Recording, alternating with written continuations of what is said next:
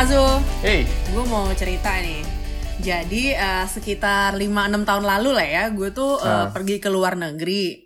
Gue pergi ke luar negeri, uh, terus tiba-tiba gue nggak bisa masuk ke autogate. Padahal uh, paspor gue udah e-paspor gitu. Uh, Jadi akhirnya gue harus pakai yang manual tuh yang dicek sama orang imigrasi. Terus gue Ini pas nanya pulang dong ya? karena Lo pas pulang ya atau pas berangkat? berangkat pas berangkat Oh, pas waktu itu kayak berangkat, mau oke. mau ke Singapura apa mau ke mana gitu ya terus gue nanya kan kenapa sih saya nggak bisa uh, di autogate karena kan saya udah pakai e-paspor gitu maksudnya apa gunanya saya bayar mahal-mahal gitu kan Hmm, hmm. nah terus si orang imigrasinya manggil nih mas dia ngasih lihat layar komputernya nih mbak lihat nama mbak ini sama dengan nama orang yang dicari KPK jadi nama gue red flag ternyata Oh ya? nama iya nama gue red flag Siregar gitu. Gila, ntar gue cek ya. Siapa KPK? Jadi ada nama tengah gue yang sama dengan nama Oh. buron KPK gitu. Padahal tanggal lahirnya Aduh, beda. aduh, aduh.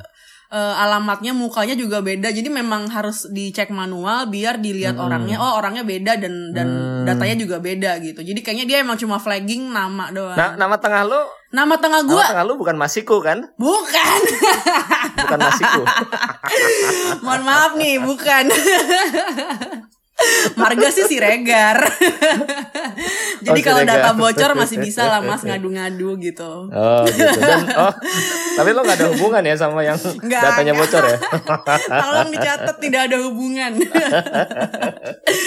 gitu. Jadi Eh, sampai sekarang oke, gue belum pernah keluar negeri lagi. Ini terakhir tahun lalu tuh masih nggak bisa eh, autogate nih ceritanya. Jadi gue masih menunggu nih kapan nama gue dihapus sama KPK dari daftar merah mereka. Tapi lo lewat jalur biasa nggak apa-apa. nggak apa-apa kalau jalur biasa. Oh. Tapi ada orang yang namanya dihapus Interpol, udah nih mas. Eh, terus eh, Melenggang ya? Melenggang. Aduh, jadi buat pendengar apa kata Tempo, eh, episode kali ini kita akan membahas editorial Tempo yang judulnya Ujian Hukum Perkara Joko. Ini editorial di majalah Tempo edisi 11 Juli 2020 dan kayaknya udah nggak perlu dibilangin lagi ya ini tuh semuanya udah cukup tahu kasus Joko Chandra yang eh, yang sebenarnya bikin rame karena dia bisa bikin paspor eh iktp dan paspor dalam satu bu- dalam dua minggu ya jaraknya kalau nggak Iya, salah ya mas. Abdullah.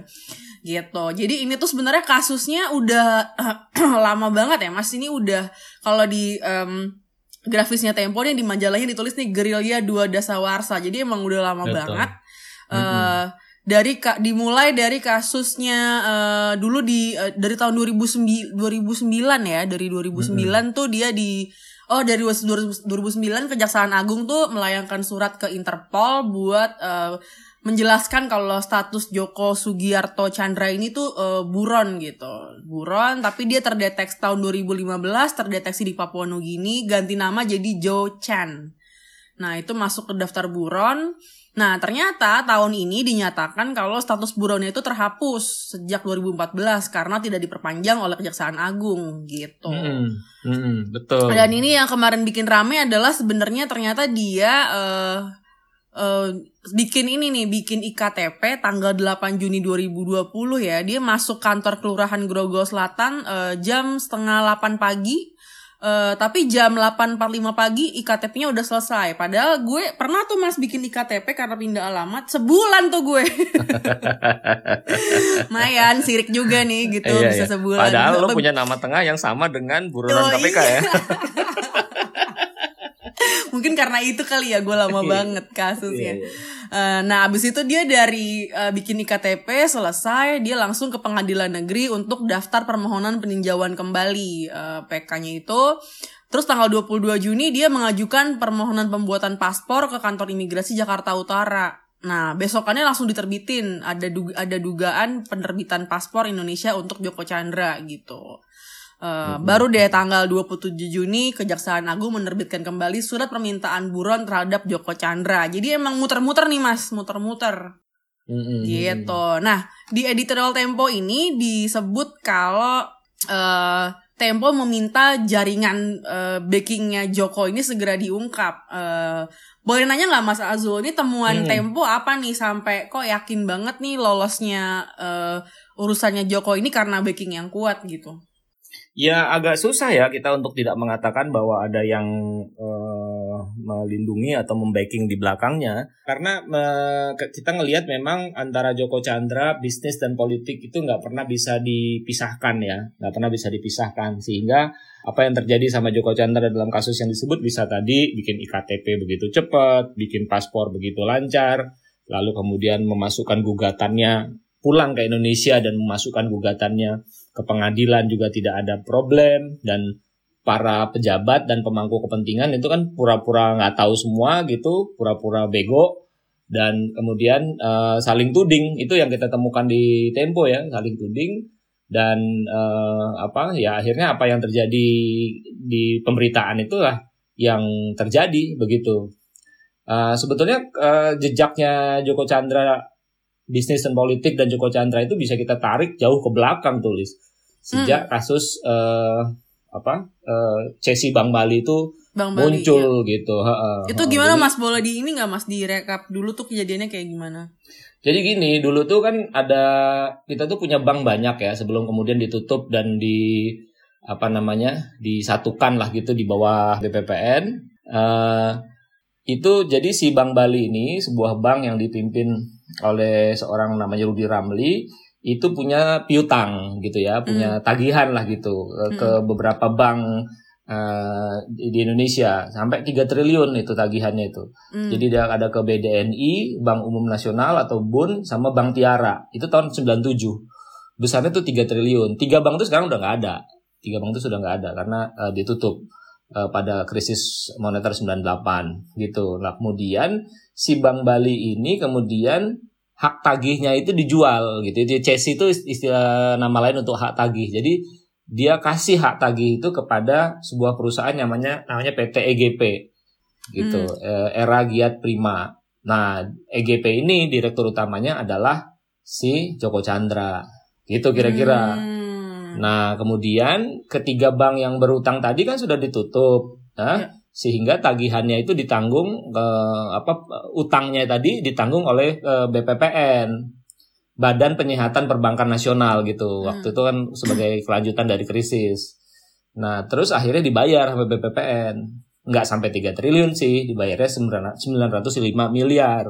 Hmm. nah 905 miliar itu si Bank Balinya cuma dapat 359 miliar Hmm. Yang sisanya sebanyak 546 miliar itu masuk ke si juru tagihnya ini. Hmm. Gitu yang namanya PTG. Jadi kayak penagih utang lah gitu ya. ya, ya kalau ya, ya. kalau kita kalau kita bahasakan dengan bahasa yang lebih populer gitu, dia dapat 400 546 miliar. Hmm. Gitu loh. Nah, Problem muncul karena ternyata CSI-nya ini tidak dilaporkan Bank Bali ke Bapepam dan Bursa Efek. Hmm. Padahal kan si Bank Bali sudah masuk ke bursa. Nah, gitu-gitu yeah. loh ya. Terus penagihannya juga ternyata dalam prakteknya tetap dilakukan oleh Bank Bali bukan uh, bukan PT EGP. Hmm. Nah, karena sejumlah problem itu kemudian BPPN membatalkan CSI Bank Bali itu. Gitu. Nah, kemudian ini menjadi problem hukum. Hmm gitu. Jadi jadi emang uh, apa bau bau kong kali kong itu sangat besar. Nah di dalam PT EGP yang di yang didirekturin oleh uh, Joko Chandra itu salah satu direkturnya adalah Setia Novanto.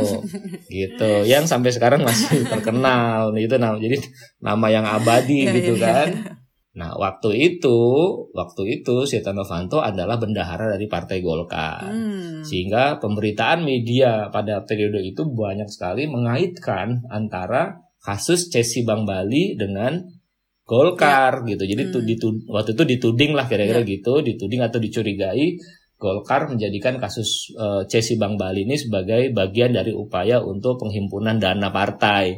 Nah, waktu itu sampai ramai ke sana begitu. Hmm. Meskipun akhirnya di pengadilan itu tidak dibahas yang yang kena adalah tiga orang salah satunya adalah Joko Chandra hmm. dengan hukuman dua tahun kalau nggak salah waktu yeah. itu dia dihukum hmm. gitu nah ini yang sekarang sedang dia perjuangkan untuk bisa di PK itu hmm. Gitu kira-kira jadi benar antara Joko Chandra dengan politik itu nggak bisa yeah. dihindarin politik dan politisi maksud saya jadi kira-kira itu ya apa sih yang disebut dengan backing itu kira-kira itu yang tadi Mas Asul gambarin itu Betul, betul. Dan dan buat orang kayak dia kan biasa sekali kan. Mencari hubungan, mencari dukungan itu biasa sekali gitu. Iya. Apalagi ini tuh kesannya uh, ada indikasi emang memang ini tuh sistematis ya uh, Mas Azul karena kan uh, kita lihat nih uh, pembuatan KTP-nya aja sebelum layanannya dibuka dia udah bisa buat gitu kan. Betul, uh, betul. Terus dia juga bisa uh, mengajukan PK-nya PK kasusnya tanpa diketahui pihak pengadilan. Ini kan berarti uh, ada itu ya pergerakan di dalamnya gitu kan. Apalagi katanya paspornya itu tidak terdeteksi sama uh, ke keimigrasian Jakarta Utara gitu. Iya, iya. Jadi memang kalau lihat dari apa sequel waktunya ya memang uh, kelihatan betul memang begitu banyak orang yang memberikan kemudahan. Meskipun kita tahu bahwa uh, lurahnya kan kemudian diberhentikan ya oleh hmm. Gubernur Anies gitu hmm. uh, karena dianggap mungkin nggak pas gitu. Ya. Tapi dalam penjelasannya kepada kita si lurah mengatakan bahwa ya waktu diminta ya waktu diminta untuk menghidupkan lagi KTP dia bilang masih ada datanya gitu masih ada hmm. datanya sehingga itu bukan dihapus tapi uh, cuman uh, diaktifasi lagi gitu jadi sebelumnya itu di dinonaktifkan sekarang jadi diaktifkan lagi gitu dan hmm. itu dilakukan ya menurut menurut lurahnya sih itu ya. nggak yeah. ada nggak ada salahnya di mana salahnya jadi sekarang itu semua semua apa elemen gitu menyatakan bahwa salah kami apa gitu. Ya red notice-nya udah dibuka red notice-nya udah dibuka pada tahun 2014 jadi begitu masuk uh, ya nggak yeah. nggak bisa. Lalu kemudian siapa lagi? Si Kementerian Hukum dan Ham juga gitu sebagai atasannya imigrasi mengatakan bahwa yeah loh ya udah ada ininya nggak ada nggak ada catatan lagi. Jadi hmm. sistem kami membuka pintu dengan gampang gitu. Jadi menurut saya terlalu obvious lah untuk mengatakan bahwa ini uh, bisa dilakukan oleh orang sembarangan begitu ya praktek-praktek hmm. seperti ini gitu Nah, kan tadi kita ngomongin soal lurah Grogol Selatan tuh ya, Mas yang udah dicopot -hmm. karena yeah. uh, kasus ini gitu. Tapi uh, gimana Mas Azul menanggapi ini? Karena kayaknya yang kena tuh cuman yang di bawah doang nih Mas kayaknya. Biar ada asal ada korban aja gitu, kayaknya sih gitu ya. Benar, benar, benar. Jadi yang yang bawah yang kena. Tapi jangan lupa juga lurah itu ada di bawahnya uh, pemerintah DKI. Mm. Ya kan? Jadi mm. sebuah institusi yang sama sekali tidak ada kaitan dengan kasus si Joko Chandra ini kecuali dalam hal mm. pembuatan IKTP. Jadi saya membayangkan secara politik memang pemerintah DKI tidak punya beban untuk uh, apa namanya uh, mencopot lurahnya begitu. Bahkan mungkin dia dapat gain politik atas hmm. atas uh, tindakan dia mencopot si lurah begitu kan. Yeah. sementara uh, imigrasi terus bagian apa bagian pembuatan paspor dan sebagainya itu kemudian uh, apa saling tuding saja lah gitu. Saling tuding saling salah menyalahkan gitu. Tapi menurut saya ini kan benar-benar bukti bahwa uh, bagaimana hukum di Indonesia itu bisa hukum dan birokrasi ya di Indonesia itu hmm. uh, dicoreng habis-habisan lah gitu oleh orang hmm. yang buron seperti Joko Chandra. Gimana Mas tanggapan teman-teman di redaksi Tempo yang uh, terkait ini nih Mas kecolongan sistematis ini karena kan kalau di dalam kasus ini ya pihak imigrasi tuh nggak mau disalahin terus uh, kejagung polisi juga saling nyalahin gitu kan. Uh, bahkan uh, yang tadi katanya Interpol menghapus itu karena nggak diperpanjang uh, status buronnya mereka bilang kan diperpanjang ya mas ya Betul, jaksa kejaksaan agung mengatakan mereka ya mereka ajukan permohonan perpanjangan gitu. Hmm. Jadi sebenarnya siapa yang nggak nggak memperpanjang? ya nggak tahu juga gitu kan akhirnya jadi jadi seperti hmm. juga pada banyak kasus yang lain ya jadi tidak jelas gitu. Hmm. Nah di sini menurut menurut gue sih eh, apa ya aparat penegak hukum pemerintah dalam hal ini presiden mesti mengambil satu tindakan yang yang clear yang jelas ya begitu. Hmm. Uh, tindakan Menko Polhukam Pak Mahfud MD memanggil sejumlah pejabat hmm. dalam sebuah rapat ya uh, dan menanyakan meminta klarifikasi saya kira itu bagus sekali cuman nggak bisa berhenti di situ gitu nggak boleh berhenti di situ dia harus sampai pada tindakan-tindakan uh, apa penghukuman yang signifikan gitu supaya hmm. orang tahu bahwa uh, apa yang dilakukan apa yang terjadi itu salah gitu. Hmm. Nah ini kalau di Tempo disebutnya ini ini masih pertaruhan besar bagi penegakan hukum dan sistem peradilan di Indonesia gitu. Tapi sebenarnya kasusnya yang lagi uh, perlu kita soroti gini ya, nggak cuma Joko Chandra doang nih mas sebenarnya, apalagi kalau ngomongin soal buron gitu kan. Hmm, uh, hmm. Yang lainnya juga, apalagi kemarin ada yang baru ditangkap gitu kan. Tapi ada juga yang di dalam negeri masih buron gitu. Gimana mas tanggapannya soal itu? Iya, ini kan eh, paling nggak di dua tahun 2020 ini aja lah ya, nggak usah tarik ke belakang ya. Di 2020-nya sudah ada kasus Harun Masiku yang nggak jelas sampai sekarang ya. Hmm. Ada kasus Joko Chandra, ya betul ada kasus eh, apa namanya eh, buron yang bisa dibawa kembali dari Serbia itu satu catatan baik begitu. Tapi ya. overall sebetulnya itu tidak menghapus uh, tidak menghapus sejumlah cacat atau coreng di wajah penegak hukum kita gitu oh, belum lagi kalau kita mau ngomong yang dalam kasus yang kurang lebih sama gitu meskipun nggak persis betul adalah kasus uh, pengadilannya novel Baswedan gitu ya kan itu hmm. semua uh, berturut-turut tuh berturut-turut hmm. semuanya mencoreng gitu uh, ya nggak tahu apakah kita ini sebetulnya masih peduli kita ini maksud saya pemerintah pemerintah ini masih peduli nggak sih sama yang beginian gitu atau hmm. nggak hmm. peduli gitu karena ya udahlah penegakan hukum tuh wilayah ada apa makhluk sendiri gitu di ujung sana sementara uh, yang lain mengurus ya ya mengurus pandemi mengurus apa begitu. Ya nggak nggak beres juga sih ngurus pandeminya gitu. Mungkin ini mas yang lagi rame diomongin kan ini nih mau mungkin ada reshuffle reshuffle katanya kalau jadi. Iya ya nggak tahu ya mungkin juga katanya ada mau ada reshuffle. Tapi menurut saya kalau mau dijadikan refleksi gitu barangkali ya ya ini hmm. mestinya jadi pertimbangan gitu kasus hmm. Joko Chandra ini jadi pertimbangan bahwa di berbagai lini penegakan hukum kita mesti bisa kita katakan nggak becus lah gitu ya. sampai ada kasus seperti ini gitu dan itu mestinya menjadi semacam potret ya potret hmm. penilaian raport begitu para menteri uh, dalam setahun hampir setahun dari pemerintahan Jokowi periode kedua ini gitu. Hmm. Oke, itu dulu kali ya pembahasan kita soal uh, kasus Joko Chandra yang kemarin rame diomongin masalah uh, eh, KTP sampai lurahnya dicopot. Uh, terima kasih udah dengerin sampai akhir. Nantikan terus pembahasan di isu-isu terkini di podcast apa kata Tempo. Tayang setiap hari Kamis di mana aja kamu dengerin podcast. Uh, buat yang pengen komentar atau pengen tanya-tanya soal Tempo, mention aja um, dengan pakai hashtag apa kata Tempo. Uh, atau kalau misalnya mau collab uh, bareng kita ngobrol-ngobrol di podcast ini, bisa kirim email ke podcast@tempo.co.id. Thank you Mas Azul, sampai jumpa okay, Lisa. -bye. Bye.